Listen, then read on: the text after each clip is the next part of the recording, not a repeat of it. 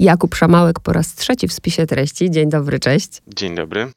Rok minął. Rok minął od naszego spotkania na Kopcu. Pamiętam targi książki, które w tym roku są Mhm. odwołane. No nie, nie przewidzielibyśmy, że, że w snach nawet, że takie rzeczy się będą Właśnie działy. Chciałem powiedzieć, że mam wrażenie, że to było dużo dłużej niż rok, tak mniej więcej 10 lat temu, ale Mm. no, wedle kalendarza to było rzeczywiście w zeszłym roku. Świat się zmienił trochę. 16 października premiera trzeciej części twojej e, serii Ukryta sieć. Tak, zgadza się. Najpierw był, ja- ja właśnie już chciałam zadać pytanie, dobra, zadam od końca. Mhm. Naprawdę ostatnia? Naprawdę? E, No w tej serii tak. Szczerze wierzę, że odgrzewane kotlety nie są smaczne, także zawsze staram się pisać coś, co jest e, świeże, nowe, ciekawe i mam wrażenie, że, że w tym temacie, jeżeli chodzi właśnie o ten świat nowych technologii, jeżeli chodzi o główną bohaterkę Julitę Wójcicką, jej, jej e, przygody, to już temat został wyczerpany i gdybym, gdybym dalej ciągnął te, ten cykl, to mam wrażenie, że, że, że zacząłbym powoli zmierzać nie, jakby nawet nieświadomie w stronę pastiszu, bo byłyby kolejne jeszcze większe spiski, jeszcze bardziej nieprawdopodobne wypadki, z których główna bohaterka, bo oczywiście wychodziła obronną ręką i tak dalej, i tak dalej. Mm, Także czuję, że to jest ten moment, kiedy trzeba postawić kropkę. Każda dobra historia kiedyś się e, musi skończyć, a mam nadzieję, że to czytelnicy się zgodzą, że, że, że jest to dobra historia, która już nie, nie potrzebuje dodatkowych rozdziałów. I z jednej strony się właśnie zgadzam z tobą bardzo, bardzo, a z drugiej jednak jest coś takiego, no ale jak Mhm. to? Zróbmy teraz taką, taką przebieżkę, takie uporządkowanie tym, którzy być może nie w ogóle pierwszy raz usłyszeli o ukrytej sieci. Więc Jakub Szamałek, drodzy państwo, z wykształcenia archeolog, odłożył sobie tę łopatkę i zajrzał, właściwie zaczął kopać w ukrytej sieci. Mamy trzy serie. Pierwsza, kimkolwiek jesteś. Pierwsza, e, cokolwiek wybierzesz. A, cokolwiek wybierzesz, tak? Druga, kimkolwiek Kimkolwiek jesteś. I trzecia, gdziekolwiek spojrzysz. Pamiętam, że ostatnio o tych tytułach rozmawialiśmy właśnie. Tak. E, W pierwszym tomie tak naprawdę zajrzałeś do Darknetu i pokazałeś od- jakby konsekwencje tego, co może się stać pojedynczej osobie. W drugiej? W drugiej e, przy, przyglądałem się razem z, z, z moją bohaterką Julitą tematowi tego, co się dzieje w, w tym naszym codziennym internecie, tak? Bo ten darknet, o którym e, jest mowa w pierwszym tomie, on od razu, chociażby z racji na swoją nazwę, ma takie e, mroczne, niepokojące konotacje, ale, ale nam się wydaje, że to jest coś, co nas może niekoniecznie dotyczy, no bo któż z przeciętnych zjadaczy chleba w jakichś ciemnych odmętach sieci się mm, o, o, obraca. Natomiast w, w, drugiej, w drugiej części się przyglądałem temu, co jest niepokojące w tym naszym codziennym internecie, a zwłaszcza w mediach społecznościowych i e, jakie informacje są na temat zbierane, w jaki sposób, co się może z nimi stać, a to wszystko w kontekście mm, kampanii, intrygi politycznej. I teraz o ile w pierwszej i drugiej, bo ty w pierwszej zaznaczasz nawet, że to nie jest science fiction, ja naprawdę jestem w stanie y, w to uwierzyć i się przerazić, to ta trzecia część jednak widać na jakim ja jestem poziomie, u, Mhm. że dla mnie to jest niewyobrażalne. To teraz powiedz właśnie, czym się zajmujesz w trzecim. W trzecim tomie e, dotykam tematu sztucznych inteligencji. I to oczywiście brzmi dla, dla większości odbiorców e, jak science fiction, prawda? Bo sztuczna inteligencja, wiadomo, Terminator, tym podobne filmy science fiction. Wyobrażamy sobie sztuczną inteligencję jako e, jakiegoś mm, androida mówiącego płaskim tonem, że oto nadszedł czas po- położyć kres ludzkości. Także mamy bardzo dobrze wykreowany obraz sztucznej inteligencji przez popkulturę i nam się wydaje, że to jest coś odległego, hen hen, za, za lat 100 albo i 200. Natomiast my już żyjemy w, w czasach e, sztucznej inteligencji, tylko jest ona e, inna e, ni- niż ta wykreowana właśnie w filmach czy książkach.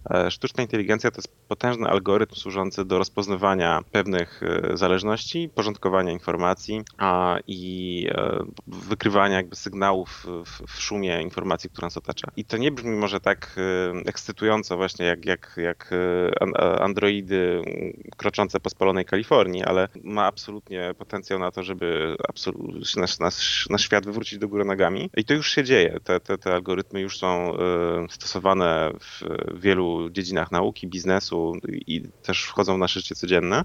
I można z nimi wiązać duże nadzieje. Ja też z nimi wiążę duże nadzieje, ale też jest, e, jest się czego obawiać. I wydaje mi się, że, że powinniśmy być tego, tego świadomi. Temu też służy trochę mm, ta książka, bo no myślę, że o niebezpieczeństwach też trzeba, trzeba rozmawiać.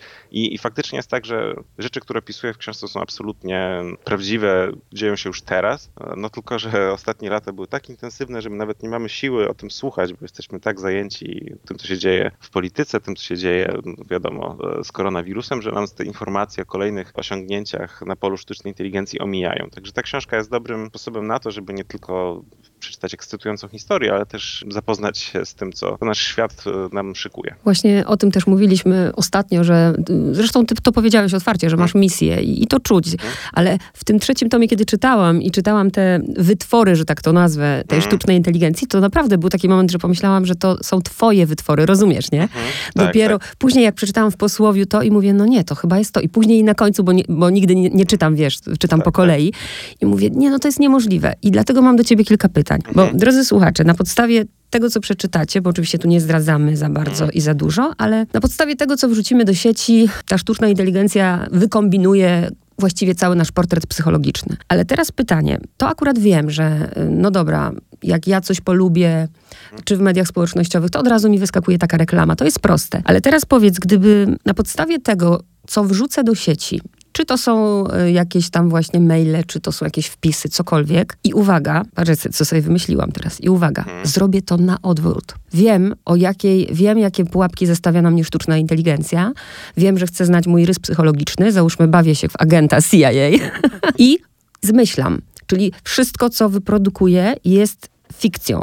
No to wtedy komputer w życiu nie rozpozna, że to jest kłamstwo, prawda? No, czy w życiu to bym się tutaj e, zastanawiał. Znaczy, ja oczywiście nie jestem ekspertem od e, uczenia maszynowego czy sztucznej inteligencji, tylko pisarzem, który te wątki wykorzystuje w swojej twórczości, no ale coś, co nieco na ten temat liznąłem. No i zacznijmy może od tego, że rzeczywiście żyjemy w epoce danych, kiedy dane się stały najcenniejszym surowcem e, na świecie i największe firmy świata mm, i, i najbogatsze to są właśnie firmy tak naprawdę mm, zależne od informacji, czy, czy zyskujące przewagę dzięki zebranym informacjom. Więc, więc te informacje są zbierane zewsząd e, po prostu jak, jak przez trałowce, które ciągną e, sieć po dnie oceanu. E, no, nasz temat też oczywiście, o ile, o ile się jakoś specjalnie zabezpieczymy. I to, o czym, o czym mówisz, to jest jakaś e, metoda zaciemniania obrazu na, na swój temat. Jest nawet taki, taka aplikacja, którą sobie można zainstalować do przeglądarki, która co chwilę wrzuca jakieś losowe zapytania do wyszukiwarki Google, żeby, żeby nasze własne wyszukiwania utopić e, w jakimś szumie. Tak, rzeczywiście można, można próbować, natomiast e, wydaje mi się, że o ile to może pomóc w jakby schowaniu pojedynczej osoby, to, to, to jednak jako społeczeństwo jesteśmy bardzo odkryci na te zbieranie informacji na skalę, skalę przemysłową i, i, i konsekwencje tego procesu. Żeby przestrzec ym, czytelników y, przed tym, o czym piszesz w trzecim tomie, no to hmm. co? No najlepiej, nie wiem, no, kontaktować się twarzą w twarz i nic nie zapisywać w tym internecie? Nie, nie, nie bo ja nie chcę, nie chcę być y, luddytą i tutaj powiedzieć Państwu, żebyśmy wszyscy wrócili do czasu gołębi pocztowych i wysyłali sobie mm, sygnały dymne, bo oczywiście nie ukrywajmy, że, że, że nowe technologie są e, bardzo przydatne, zwłaszcza teraz w czasach e, pandemii, kiedy byśmy się nie mogli spotkać w studiu radiowym i sobie rozmawiamy przez ten straszliwy internet. Natomiast ja bym, ja bym e, sugerował i zachęcał do tego, żeby tym wszystkim się po prostu interesować, żeby o tym czytać, żeby o tym rozmawiać i żeby też swoje wybory, e, na przykład e, polityczne, też zacząć uzależniać od, od tej platformy cyfrowej, bo był taki czas, kiedy można było powiedzieć, że a, ja się nie interesuję komputerami, ja się nie interesuję internetem, po prostu mnie to nie dotyczy, to, to nie jest moje hobby, ale ten, ten internet, ta technologia się już wylała z komputerów i, i to nie jest coś, co jest zamknięte w, w, prawda, w blaszanym pudełku, który gdzieś stoi w, w, w pracowni pod biurkiem, tylko te technologie naprawdę nasycają, przenikają każdy aspekt naszego życia. I nie możemy już dłużej mówić, że nas to nie interesuje, bo to nie ma znaczenia, czy to nas interesuje, czy nie, to, to naprawdę przemodeluje nam życie. No, zaczynając choćby od tego, że, że, że szacuje się, że sztuczna inteligencja e, absolutnie przeorają rynek pracy i się okaże, że wiele zawodów jest już e, zbędnych, prawda? Albo, albo zupełnie się zmienią. Więc to jest taki najbardziej dotykalny aspekt te, tego najbardziej konkretne, jak to wpłynie na nasze życie. Także nie, nie zachęcam do tego, żeby się zamknąć w piwnicy i, i, się zamknąć na, na, na, współczesność, no tylko żeby być takim cyfrowym republikaninem w tym sensie, żeby traktować tą przestrzeń cyfrową jako rzecz wspólną, o którą musimy też walczyć. Piękną rzecz robisz. Jeśli coś za dużo zdradzam, to oczywiście mnie hamuje, ale myślę, że Dobrze. tutaj nic nie zdradzę, e, że w pewnym momencie tej książki piszesz na poziomie meta. Bardzo mi się to podoba. To ty sobie na przykład wyobrażasz taką sytuację, że Jakub Szamałek tak naprawdę nie musi napisać już kolejnych książek, bo zrobi to za niego sztuczna inteligencja? No jeszcze tam nie dotarliśmy, natomiast może, może powiedzmy właśnie słuchaczom, bo to chyba za dużo nie, nie zdradzimy, że, że w tej książce pojawia się taki konkretny rodzaj um, algorytmów opartych na, na, na nauczeniu maszynowym, na sztucznej inteligencji, który generuje tekst. I, i jest to tekst, który no, momentami można pomylić z tekstem napisanym przez człowieka. I jak jeszcze parę lat temu, ja bym powiedział, że to jest totalne science fiction, że to jest coś zupełnie, zupełnie, no po prostu dekady, jeżeli nie, nie, nie, nie, nie stulecia przed nami. Natomiast y, jest taka, no ni to firma, ni to, ni to organizacja, która się nazywa OpenAI w, w Stanach i on, ona właśnie wypuszcza co parę lat kolejną generację algorytmu, który tworzy tekst w oparciu o ogromne korpusy tekstów już napisanych. I, i, i po prostu algorytm poddaje to w dużym, dużym uproszczeniu. Poddaje te teksty napisane analizie statystycznej, patrzy, które słowa z którymi się kojarzą, jak, jak, jak występują i na tej podstawie w stanie wypluć tekst, który, który te same zależności odzwierciedla i co więcej można ten tekst y, jakby, mo, można poprosić, żeby ten algorytm naśladował konkretny styl y, albo konkretną formę literacką. Naprawdę efekty są dla mnie jako czytelnika, jako pisarza piorunujące. Ostatnio widziałem e, fragment stworzony przy, przy, przy użyciu tego e, algorytmu, który się nazywa GPT-3. Fragment, e, który mm, udawał prozę mm, Jeroma K. Jeroma, czyli, czyli autora prześmiesznej i sympatycznej powieści Trzech Panów, Wódcy i Pies. I ten algorytm no, napisał fragment, który tam był długości powiedzmy jednej strony, który gdybym nie wiedział, że, że właśnie został stworzony przez, przez algorytm, przysiągłbym, że jest to nieopublikowany fragment powieści i bardzo bym chciał przeczytać, co jest dalej. No i prawdopodobnie dalej, gdyby, gdyby było kolejne 100 stron, to gdzieś już y, te, ten czar by prysł. Ale to jest dzisiaj, no to jest y, stan na, na dzień dzisiejszy, to, to pierwszą wersję tego, tego algorytmu stworzono zaledwie parę lat temu. E, także bardzo możliwe, że jak będą chcieli Państwo za 10 czy 15 lat poczytać kolejną część ukrytej sieci, to się wciśnie przyciski. E, taka, mm, taka książka powstanie. Chciałbym myśleć, że te, które ja napisałem, y, jednak będą lepsze, ale o ile jeszcze parę lat temu byłbym gotów tu się założyć o, o to i, i postawić wszystkie swoje aktywa e, na szale, to teraz już takiej pewności nie mam. Ja z jednej strony to, co mówisz, jest e, fascynujące, z drugiej naprawdę taką mam taką myśl, że może dobrze, że jesteśmy śmiertelni, nie? Bo to mnie przeraża. To po prostu nie czuję się gotowa na to, e, co mogłoby być. Tak samo przeraziło mnie jedno zdanie w tej twojej książce. Nawet wczoraj o tym rozmawiałam jeszcze wieczorem z jedną osobą.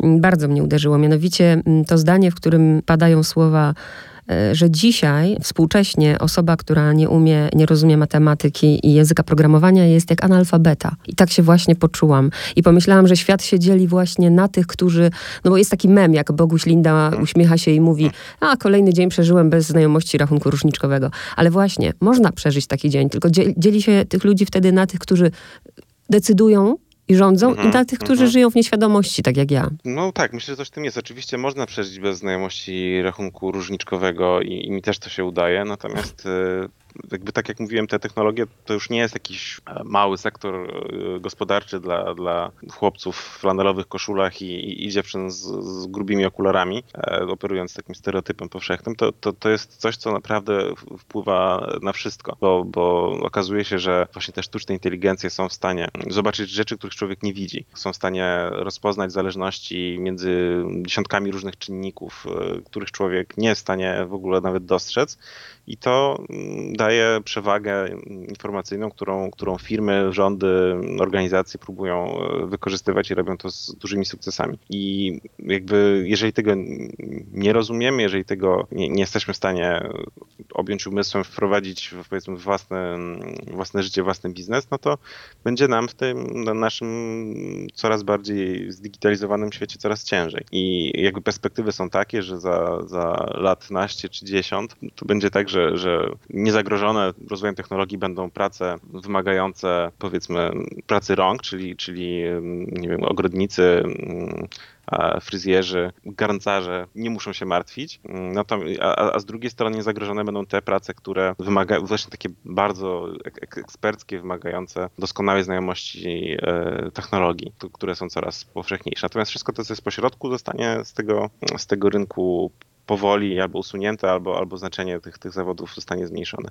Jeżeli się to Państwu wydaje nieprawdopodobne, to, to polecam lekturę e, gdziekolwiek jesteś. Mam nadzieję, że, że, że, że, że trochę ten sceptycyzm wtedy e, lektura osłabi. Gdziekolwiek spojrzysz. Tak, przepraszam, mm -hmm. to już mi się nawet... No właśnie. Tak, trzecia część ukrytej sieci. Tak. tak, ale powiem ci też, że teraz jak mówiłeś, to przyszła mi taka przerażająca myśl do głowy, że ja stanę się niepotrzebna jako dziennikarka, bo sztuczna inteligencja nie tylko będzie jakby wymyśli słowa, ale wprowadzi do komputera, a komputer przetworzy to na cudowny głos przebadany, mm -hmm. że trafia do słuchaczy i w ogóle syntezator będzie to robił, nie? Znaczy, nie, nie jest to niemożliwe. I znowu parę lat temu bym, bym powiedział, że to fajny pomysł na powieść e, w stylu, nie wiem, Filipa Dicka na przykład, a, a dzisiaj powiem ci, że to nie jest jakiś niewiarygodny scenariusz, no bo już teraz e, na przykład e, algorytmy tworzą artykuły publikowane w, w prasie, no, na razie na jakieś proste tematy, nie są to powiedzmy mm, eseje czy, czy, czy, czy omówienia kluczowych wydarzeń, na przykład relacje z, z meczów, czy, czy analizy i podsumowania raportów giełdowych, to takie artykuły już, już są tworzone przez sztuczne, sztuczne inteligencje i, i, mają, mają sens. I oczywiście są też y, coraz lepsze generatory mm, mowy, tak jak mówisz, więc ja myślę, że oczywiście mm, myślę, że, że, że nie wiem, tacy najbardziej charyzmatyczni, najbardziej lubiani speakerzy radiowi się nie, nie muszą martwić, ale na przykład jak trzeba będzie przeprowadzić jakiś taki szybki wywiad, e, powiedzmy, z sportowcem po meczu i spytać, e, jak się grało i co, co ma do powiedzenia i kogo pozdrawia, no to, to taką robotę już te algorytmy mogą, mogą e, wam, dziennikarzom radiowym, podebrać. Coś niesamowitego. Teraz ten moment ważny, ponieważ cały czas kluczymy, wiesz, rozmawiamy hmm. o treściach, to jest ten moment, żebyś wprowadził w fabułę i powiedział w trzecim tomie Julita Wójcicka. No jest tom trzeci i ostatni, więc w trzecim tak. tomie Julita Wójcicka wszystkie te, te wątki, które, które się pojawiły w tomach poprzednich, y, doprowadza do, do, do, do finału, zdziera maski wszystkim tym, którzy się przed nią w, w, tej, w tej sieci ukrywali, no i właśnie mm, odkrywa, do czego można stosować sztuczną inteligencję, jeżeli się no, nie ma oporów moralnych i dużo pieniędzy. Pamiętam, jak rozmawialiśmy ostatnio o miejscu, e, a dlaczego Lubin? Hmm, tak, bo jednym z, z wątków w książce jest, jest um, awaria, katastrofalna w skutkach awaria w kopalni miedzi. No i Lubin to jest jak wiadomo, stolica Zagłębia Miedziowego, stąd też e, wybór tego miejsca. Niesamowity pomysł w ogóle. I powiedz, to jest, bo się nie znam, więc tu się przyznaję, mm, może się teraz tak, skompromituję w ogóle. Mm. Czy to jest naprawdę, mm, czy to jest prawdopodobne, czy to jest fikcja z tym Renem? To jest je, jeden z możliwych scenariuszy rozwoju dla komputerów kwantowych, tak? Bo tutaj wątek jest taki, że nagle pewien z, z, z, rzadkich metali okazuje się, że, że jest y, bardzo potrzebny. Nie, nie wiadomo, czy w tę stronę pójdziemy, bo, bo te komputery kwantowe no, są jeszcze w takim wczesnym stadium rozwoju, są różne metody budowania ich i jeszcze nie wiemy, która z nich y, się okaże tą najlepszą i przyjętym ogólnie standardem, a może w ogóle takiego standardu nie będzie, ale, ale REN być może być, że stanie się właśnie takim kluczowym surowcem i, i, i to też było, było jedną z inspiracji dla, dla tego wątku, o którym mówiłaś. I ty sobie pojechałeś do Lubina, tak? Nie, nie. nie? Muszę przyznać, że nie. Jednak to jest dosyć daleko od Warszawy. Jakoś nigdy mi nie było po drodze, więc posługując się tymi właśnie straszliwymi nowymi technologiami, oglądałem go sobie na Google Maps i, i, i to było no wystarczające chyba, żeby, no, żeby, zdecydowanie. Żeby nie, no, pomysł świetny i to, co lubię w twoich książkach, o tym też zresztą rozmawialiśmy i teraz chcę przejść właśnie do tych, do tych rzeczy, do tych relacji. Przede wszystkim bardzo Ci dziękuję, uśmiechnęłam się, mhm. że oddałeś skórzaną kurtkę Jankowi. Aha, dobrze, cieszę, no, cieszę się. Bo w drugim tomie, wiesz, już tam... No, było, było gorąco, no, zdjąć, ale tak, dobrze, cieszę się w takim razie. Uśmiechnęłam się, bo po prostu Janek, tak, oczywiście, że zauważyłam jak najbardziej. Takie wnioski, które mam, to też są smutne, że po przeczytaniu twojej książki może, mnie, może trochę się obronisz albo powiesz, że tak nie jest, bo ja rozumiem, że w takim razie świat jest niesprawiedliwy, bo jak ktoś ma dużo kasy, to nigdy nie poniesie żadnej odpowiedzialności. No niestety nie, nie będę zaprzeczał, bo, bo, bo, wydaje mi się, że tak właśnie jest i patrząc na to, co się dzieje w różnych miejscach na świecie teraz, a już zwłaszcza za Atlantykiem, to zdecydowanie można do takiego wniosku dojść i to jest też, dałem upust tutaj swojej frustracji w tym temacie, e, w, w, w, gdziekolwiek spojrzysz. Mm -hmm. Mnóstwo jest takich właśnie, mm, one też są główne, ale ja, czy główne, niektóre są poboczne, bo ja nie mówię tutaj teraz hmm. o tajemnicy jakiejś rodzinnej i tak dalej, hmm. ale wiesz, ja nawet widzę, jak, e, i bardzo to też na mnie zrobiło wrażenie, jak poruszasz na przykład problem i myślę, że za to ci podziękują wszystkie matki dzieci niepełnosprawnych mm. na przykład i tego mm, ostracyzmu, odrzucenia, tego, że mhm. się boimy kogoś, kto jest niepełnosprawny. To są właśnie takie niuanse, które bardzo lubię i wyczytuję je wszystkie w twoich książkach. Ale Julita, mam do niej, co do niej takie, o ile w pierwszej y, części, bo Julita zaczynała właśnie jako dziennikarka portalu hmm. Mega News, o ile w tej pierwszej części właśnie ona była taka przebojowa, fajna, nawet bym powiedziała, że chciałabym być taka jak ona, y, to teraz w tej trzeciej, wiesz, tak myślę, patrząc szczególnie na tę sytuację jedną w mieszkaniu, mhm. y, kiedy dzwoni tam dzwonek, że pomyślałam o tym, że, że jest mi jej szkoda, że ona mhm. po pierwsze, nie dość, że zapłaciła ogromną cenę za to wszystko, ale po drugie jest tam taki moment, który pokazuje, że mm, teraz, nie wiem, może obronisz Julitę, że ja pomyślałam, mhm. że ona jest ciężko chora. Ona mhm. w pewnym momencie jest uzależniona od adrenaliny. E, tak, zdecydowanie. Ja, ja, myślę, że, że to jest y, trafne określenie tego, co, co, się, co się z tą bohaterką dzieje na przestrzeni książek. Jakby mi zawsze przeszkadza w, w takich długich cyklach y, sensacyjnych, że, że te wszystkie trudne przeżycia spływają po głównych bohaterach jak, jak po kaczce i często jest tak właśnie, że w tomie 16 główny bohater znowu tak wyskakuje z samolotu bez spadochronu i przeżywa, bo go Albatros łapie w ostatniej chwili. I są naprawdę trudne wydarzenia, bardzo jakby pełne strachu, zagrożenia i potem wszystko wraca do normy. I jakby wydaje mi się to psychologicznie nie, nieprawdopodobne. Nie wiem, że są tacy twardzi faceci i, i, i, twarde kobiety, którzy, którzy właśnie takie, tak te sytuacje znoszą, no ale ja bym nie potrafił się w nich wczuć i wejść w, nich but, wejść w ich buty. Zdecydowanie po takiej postaci jak Julita mm, takie, takie wydarzenia by, by nie spływały i ona musiała odcisnąć swoje piętno na niej. No a jednocześnie ta akcja się musiała toczyć. Zastanawiałem się, mm, jak to jest w ogóle możliwe, że ktoś po, po, po takich e, traumach i po takich e, trudnych przeżyciach jednak nie rzuca wszystkiego w kąt, tylko, tylko ciągnie ten temat i, i gdzieś to się e, w przypadku tej, tej postaci przerodziło w taką obsesję, której no, ona sama już nie, nie, nie kontroluje. I wydaje mi się, że, że, że rzeczywiście to nadaje jej, jej taki rys tragiczny, mm.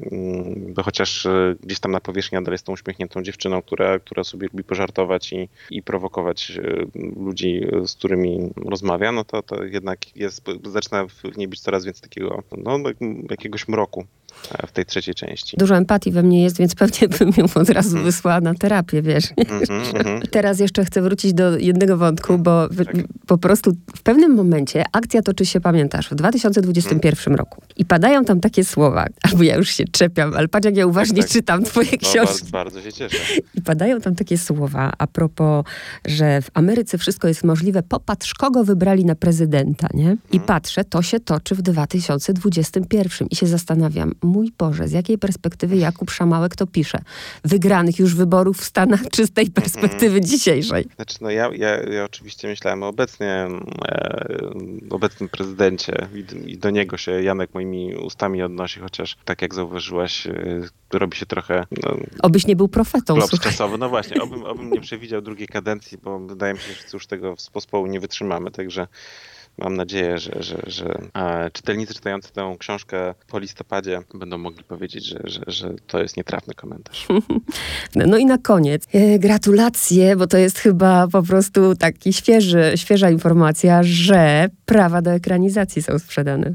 Tak, wreszcie mogę o tym mówić. Bardzo się cieszę, bo, bo to cały ten proces trwał no, ponad półtora roku, żeby od, od jakichś pierwszych rozmów po, po szczęśliwe e, zakończenie i, i rozpoczęcie pracy. I faktycznie zapowiada się, że powstaną trzy filmy na podstawie moich książek. E, każdy tom będzie podstawą dla, dla jednego filmu fabularnego, a producentami mm, tego e, filmu będą ludzie odpowiedzialni za powstanie e, hejtera, czyli filmu nagradzanego też, też na, na, na prestiżowych festiwalach, tak jak, jak Tribeca Festival w Nowym Jorku, także bardzo, bardzo mnie to cieszy i się nie mogę doczekać, e, kiedy będę się mógł z e, Państwem podzielić kolejnymi wiadomościami ten temat. No i też czekam na premierę. Mam nadzieję, że do tego czasu wszyscy będziemy mogli chodzić do kina bez maseczek, siedzieć, jeść popcorn i się nie przejmować e, wirusami. Ja też nawet nie wiesz, jak ja się cieszę i jak bardzo ci gratuluję.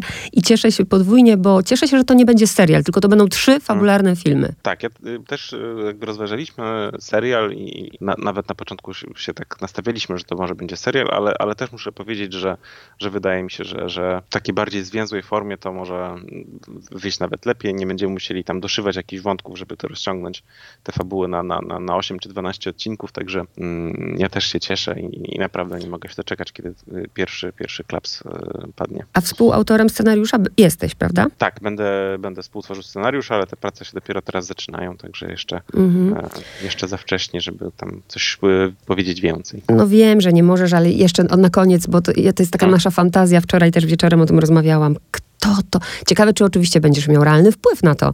Mm, czy jak pisałeś, to hmm. gdzieś pod powiekami kogoś miałeś. Kto może zagrać Julitę Wójcicką? Kto hmm. może zagrać Janka? No, y, to są ważne i ciekawe pytania, na które oczywiście nie mogę jeszcze odpowiedzieć, ale bardzo mi zależy, żeby Julita zagrała mm, aktorka, która nie jest twarzą z pierwszych stron gazet i, i, okładek y, kolorowych czasopism, bo wydaje mi się, że to musi, żeby, żeby naprawdę wiarygodnie tą postać odzwierciedlić, to musi być ktoś, kto właśnie zaczyna karierę, ma pazur, jest zdeterminowany i wejdzie w tą rolę po prostu mm, w 100%. A, i, i, i mamy tutaj e, jakieś tropy, ale, ale to jeszcze za, za wcześnie. Coś zdradzić więcej. I to powiedz mi, no kiedy my się spotkamy następnym razem? No bo dobra, koniec tej serii, mm. ale na pewno coś masz w planach. Tak, mam, mam w planach. E, powoli zaczynam sobie robić e, research, bo ja tak jakoś zawsze lubię się wpuścić w temat, którego nie znam i go poznać i dopiero potem coś napisać.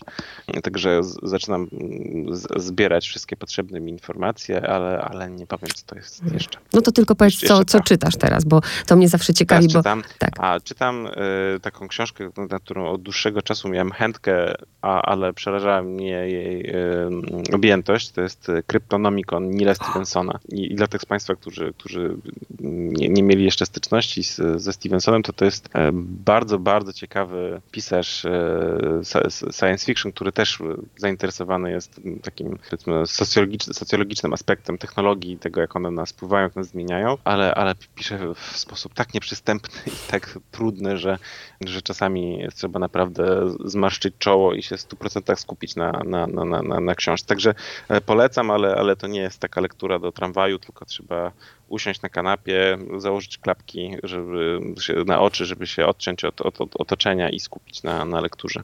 Na szczęście cieszę się, że czytasz też o smokach i mhm. różnych innych królewnach. Czy już tak. jest inny etap? E, tak, mogę przynajmniej chwilę odpocząć od, od, od e, czytania dla pisania i po prostu poczytać dla przyjemności. Dziękuję bardzo. Jakub Szamałek był moim gościem. Ja również dziękuję bardzo. Bardzo miło Cię było usłyszeć